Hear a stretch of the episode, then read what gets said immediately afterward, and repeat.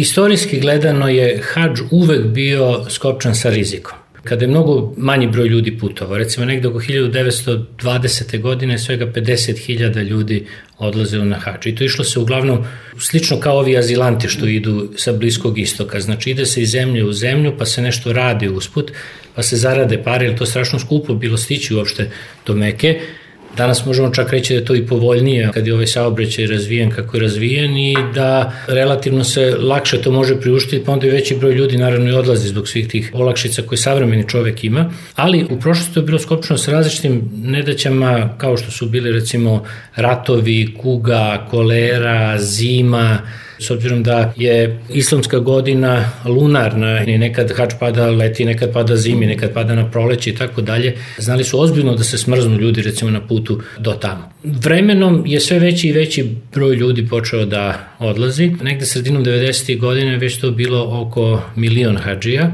negde oko 2005. je to oko milion i po, danas se spominju te cifre oko 2 miliona i više. Hadž inače spada među tih pet stubova islama, pet tih nekih religijskih obaveza, ove druge se na neki način ispunjavaju na, na relativno redovnoj nekoj bazi, dok hadž zahteve da se to obavi jednom bar jednom u životu, ukoliko zdravstveno i finansijsko stanje to dozvoljava. Šta to znači? Znači da je čovek sposoban da putuje, da ode tamo i da, da obavi to, to je dosta zahtevno i naporno i da je solventan, što bismo rekli danas, da, da se ne zadužuje, znači da bi obavio to putovanje. Ideja je bila da ukoliko strada na hađu, što je bilo jedno realno očekivanje da može da se desi zbog svih ovih nedaća, da porodica onda ne mora da trpi taj dug koji bi pokojnik ostavio. U današnje vreme mi smo rekli ne može da se plati kreditnom karticom, ali mora debitnom karticom.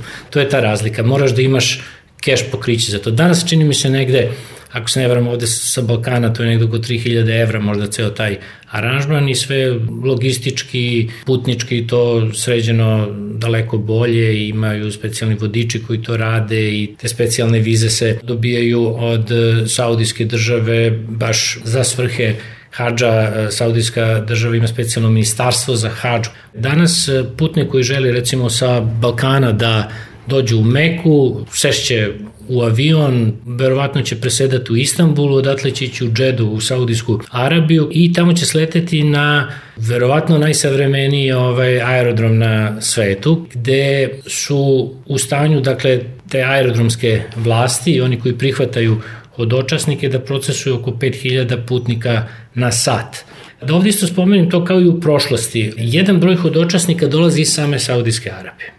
Saudijska Arabija koja ima negde oko 24 miliona e, stanovnika, jedna četvrtina su strani radnici tamo. Ovaj, dakle, to su uglavnom muslimani iz različitih delova sveta koji tamo rade. Oni iskoriste priliku dok su tamo da obave hodočašće. Tako da recimo tih 2 miliona, da kažemo, vernika koji se tamo nađu, možda recimo negde oko milioni 200, milioni 300 dolazi iz polja, iz celog sveta, a negde recimo 800.000, 700, 800.000 dolazi iz same Saudijske Arabije. Inače, najviše Arapa, onda ovih muslimana iz eh, Južne i Jugoistočne Azije, onda dalje ovih subsaharske Afrike, najmanje negde oko 5% možda svega dolazi sa zapada i ovih zapadnih zemalja ti putnici stižu i nekoliko nedelja pre početka samog eh, tog glavnog događaja, ovaj samog hodočašća.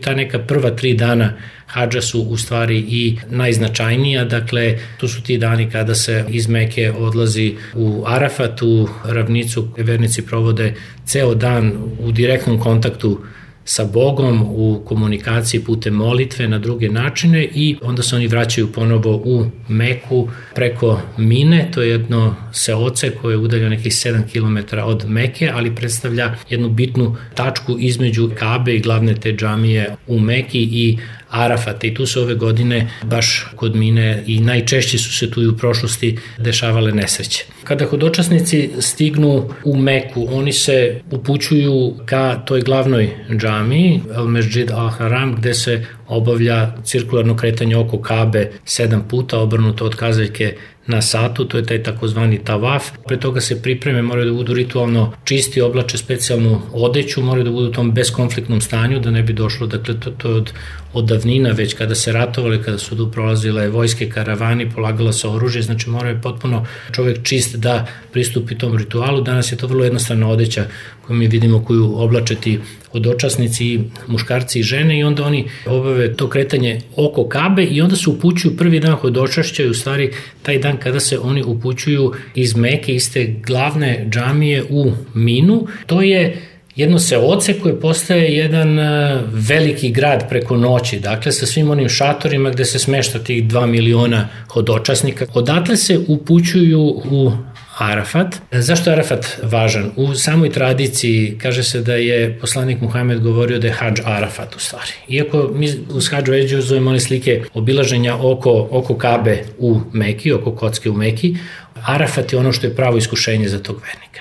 Jer on tu recimo sad u septembru mesecu na velikoj vrućini stoji ili sedi ili svejedno je izložen je na otvorenom, pokušava da uspostavi komunikaciju sa svojim Bogom i to je i psihički i fizički izuzetno zahtevna jedna stvar, rekao bih iscrpljujuća, to opet ima veze i sa onim što dolazi posle kada se dešavaju i, i ove najveće nesreće, zato e, to i naglašavam, tu dolazi do tog jednog pražnjenja, emotivnog, e, mentalnog, e, fizičkog, kako god. To je to središte, to je taj cilj svakog muslimana u stvari u životu da tu dođe, baš da dođe na, na Arafat. I tu se oni skupljaju, ima, ima jedna stena, malo jedno uzvišenje gde najveći broj vernika pokušava baš tu da se nađe, jer se smatra prema tradicija Muhamed tu svoju poslednju propoved imao sa tog mesta.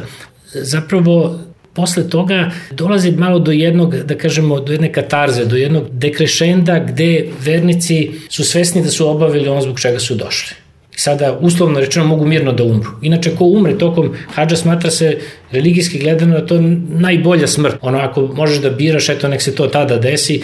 I sad oni kad krenu iz Arafata nazad prema Meki i prema glavnoj džami, gde će još jednom da obave to okretanje oko Kabe, oni ponovo svraćaju u minu. Usput svrate u jedno mestašce Muzdelifa koje se zove, koje je specijalno pripremljeno da oni mogu neke kamičke tamo veličine leblebije, to su neki obluci koji nisu mnogo veliki, da prikupe, da bi kasnije mogli da kamenuju neka tri stuba tu pored mine. Oni gađaju šeitana, odnosno, odnosno sotonu đavola i oslobađaju se još dodatno od te neke negativne energije To je jedan ritual e, koji se ne spominje u Kuranu. Uglavnom spominje se ovim hadisima i u nekoj tradiciji koja je deo predanja, a nije u stvari sama kuranska tradicija.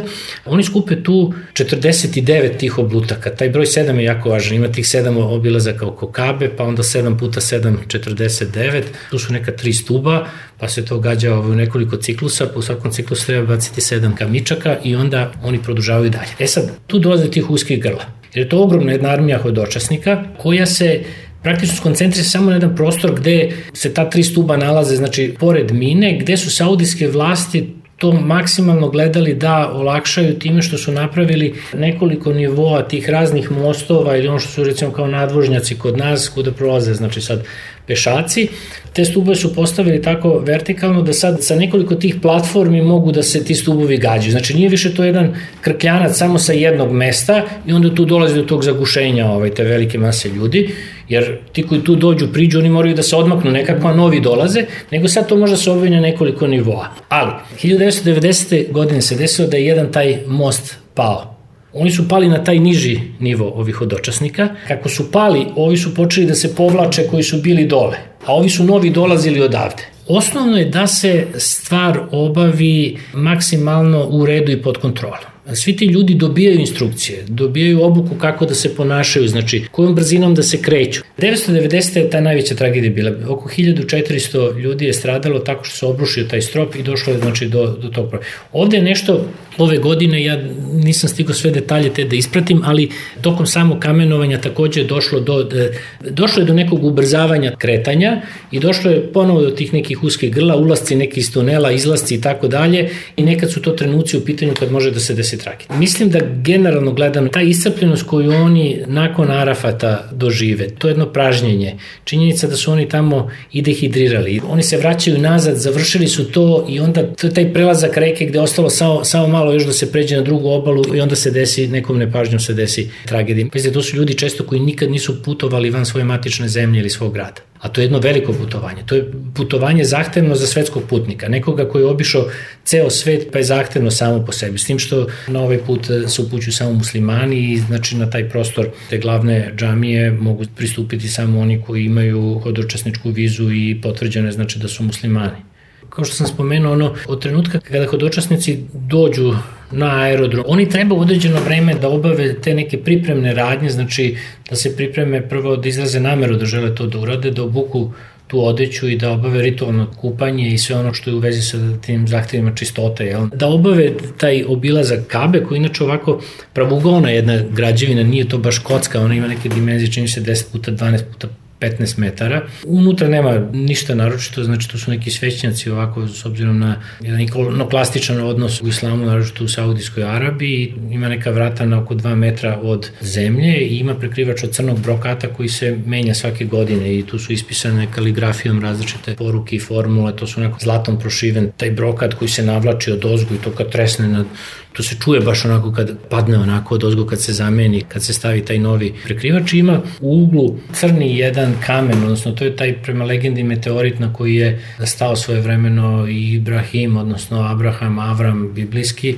Ako je sam period hađa od 8. do 13. dana Zulhidže, koji je poslednji mesec u islamskom kalendaru, to je nekih šest dana. Ja kažem od, od ponedeljka do subote, mislim baš ove godine da da ta cela sekvenca i trajala baš od ponedeljka do subote, znači ponedeljak je odlazak iz mene Meke u Minu, utorak je Arafat, sreda je već povratak u Minu i kamenovanje ovih stubova. Nakon tog kamenovanja stubanja počinje ovaj period Kurban Bajrama, znamo da imaju ta dva, jedan je ramazanski, drugi ovaj hađijski ili Kurban Bajram, gde se obavlja ritualno klanje obredne životinje, to je ovca ili kozak. To meso se šalje, tradicionalno se jedna trećina zadržavala za porodicu, jedna trećina za, za počasti su se prijatelji, komši, jedna trećina odlazila za siromaše. Zamislite, dva miliona hodočasnika, znači svako od njih treba neku obrednu životinju negde da uputi, šalje se na razne adrese.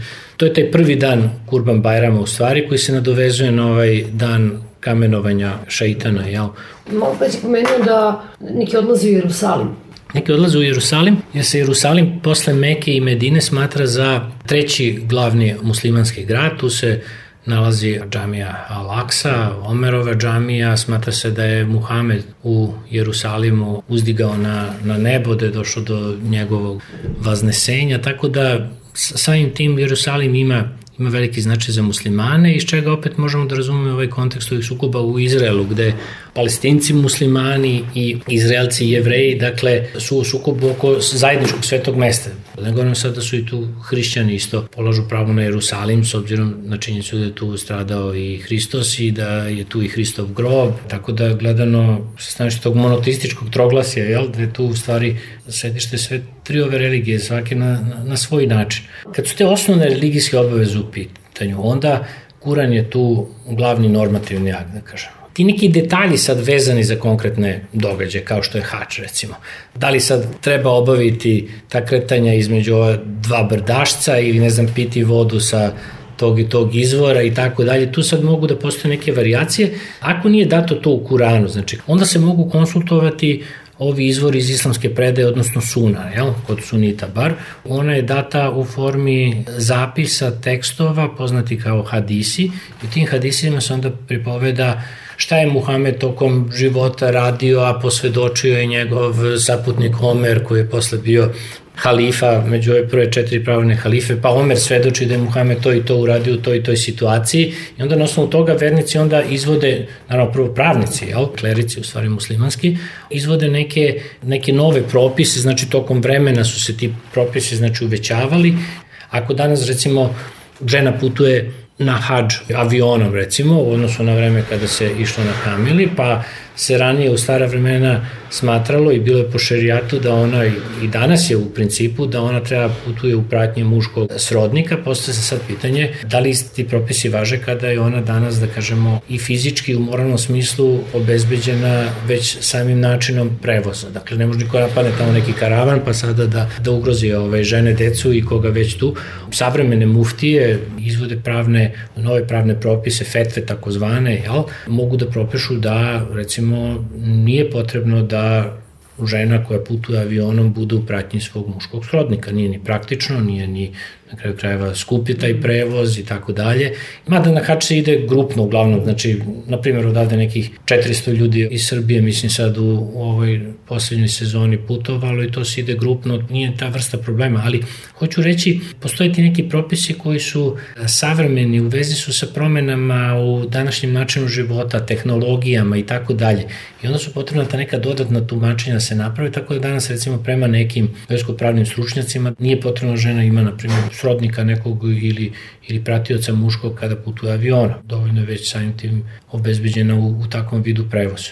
U samoj Meki, recimo, prodaju se ovi satovi svi sa, sa metalnom kopčom, jer e, bojazan je da ne bi možda kaiš bio od svinjske kože. I sad se poslije pitanje dokle to ide. Ali se sad poslije drugo jedno pitanje. Dobro, ako se neće nositi ovaj kaiš od svinjske kože, da li sme da se šutira futbolska lopta od svinjske kože? Ili pitanje, na primjer, da li ja mogu hađ da platim kreditnom karticom? Da li mogu da se kreditiram za hađ? Nije postala kreditna kartica u 7. veku, a nije postala ni u 19. veku, a nije do nedavno postala. Šta ćemo sada da radimo? Potrebni su ljudi koji će da daju ta tumačenja, jer život teče dalje. Koreni u stvari tog verskog prava u islamu su vezani baš za taj primarni ritual. Ono što se dešavalo u Muhamedovo vreme, činjenica da su neke stvari bile dozvoljene, a neke stvari bile zabranjene u vezi sa tim ritualom u Meki, jer ta kaba je bila tu i ranije. Tu su se uspostavile prvi propisi šta je dozvoljeno, šta je zabranjeno, šta je halal, šta je haram u stvari.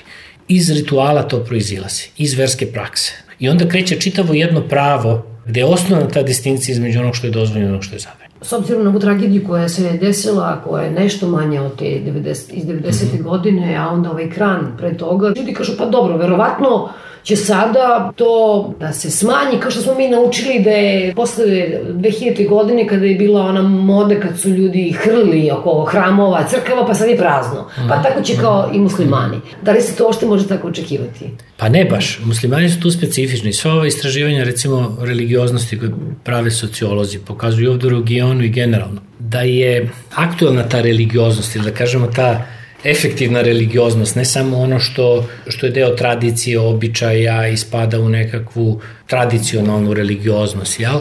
da je izraženija kod muslimana. To mislim jednostavno ima veze i sa samim karakterom rituala i ovih e, osnovnih verskih obaveza tim stubovima islama. Znači, ako ti kao vernik e, imaš obavezu da pet puta dnevno moliš, dakle klanjaš, ne mora to biti u džami, to može biti i na drugom mestu, ali to je pet puta dnevno stalno podsjećanje vernika na taj odnos sa Bogom, na šta je dobro urađeno, šta nije dobro, stalno to jedno preispitivanje, pa se onda to radi u podne, pa se radi popodne, pa se radi predveče, pa se radi noću. Dakle, kada svaki dan učestvuješ u takvom ritualu, onda je tvoj, kako kažem, religija ima mnogo više upliva na tvoj svakodnevni život. A to je ključno pitanje za religioznost. Nije pitanje, mislim, koliko slaviš, ne znam, krsnu slavu ili koliko često ideš u crkvu na Božić ili kad si tamo na uskrs i na velike praznike, nego koliko religija ima stvarnog upliva na tvoj svakodnevni život. I tu gde religija ima jakog utice na svakodnevni život imamo i povećanu religioznost. Govorim to individualnoj religioznosti, dakle i naravno o tim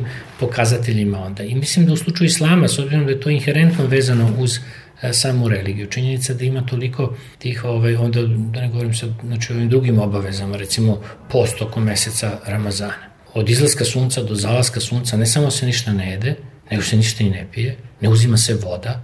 Zamislite sad u letnjim mesecima, avgust, jul ili negde još u pustinskim tim predelima da se uopšte ne konzumira voda, ko puši ne sme da puši, znači od izlaska sunca do zalaska sunca. Znači sve ono što je nekakav e, uobičajen normalan život, znači tokom, tokom dana i tokom meseca, celog tog meseca e, se ne praktikuje. To su veliki izazovi. Smatra se da dolazi do nekakvog unutrašnjeg pročišćenja. Sad postoje postovi u ovim drugim religijskim tradicijama. Zaista nije to toliko striktno kao u ovom slučaju. Znači, ti neki ritmovi u kojima dišu ti vernici ove širom sveta, baš kada reču o muslimanima, znači nekih milijardu i 500 miliona ljudi. Oni mogu doći na hađu u Meku, mogu doći iz Indonezije, iz Južne Afrike, mogu doći iz Sjedinjenih država. Oni će u istom trenutku obaviti taj pokret tokom klanjanja i čuće se te haljine u istom trenutku kada oni kleknu ili kada priljube čelo zemlji ili kada se podižu.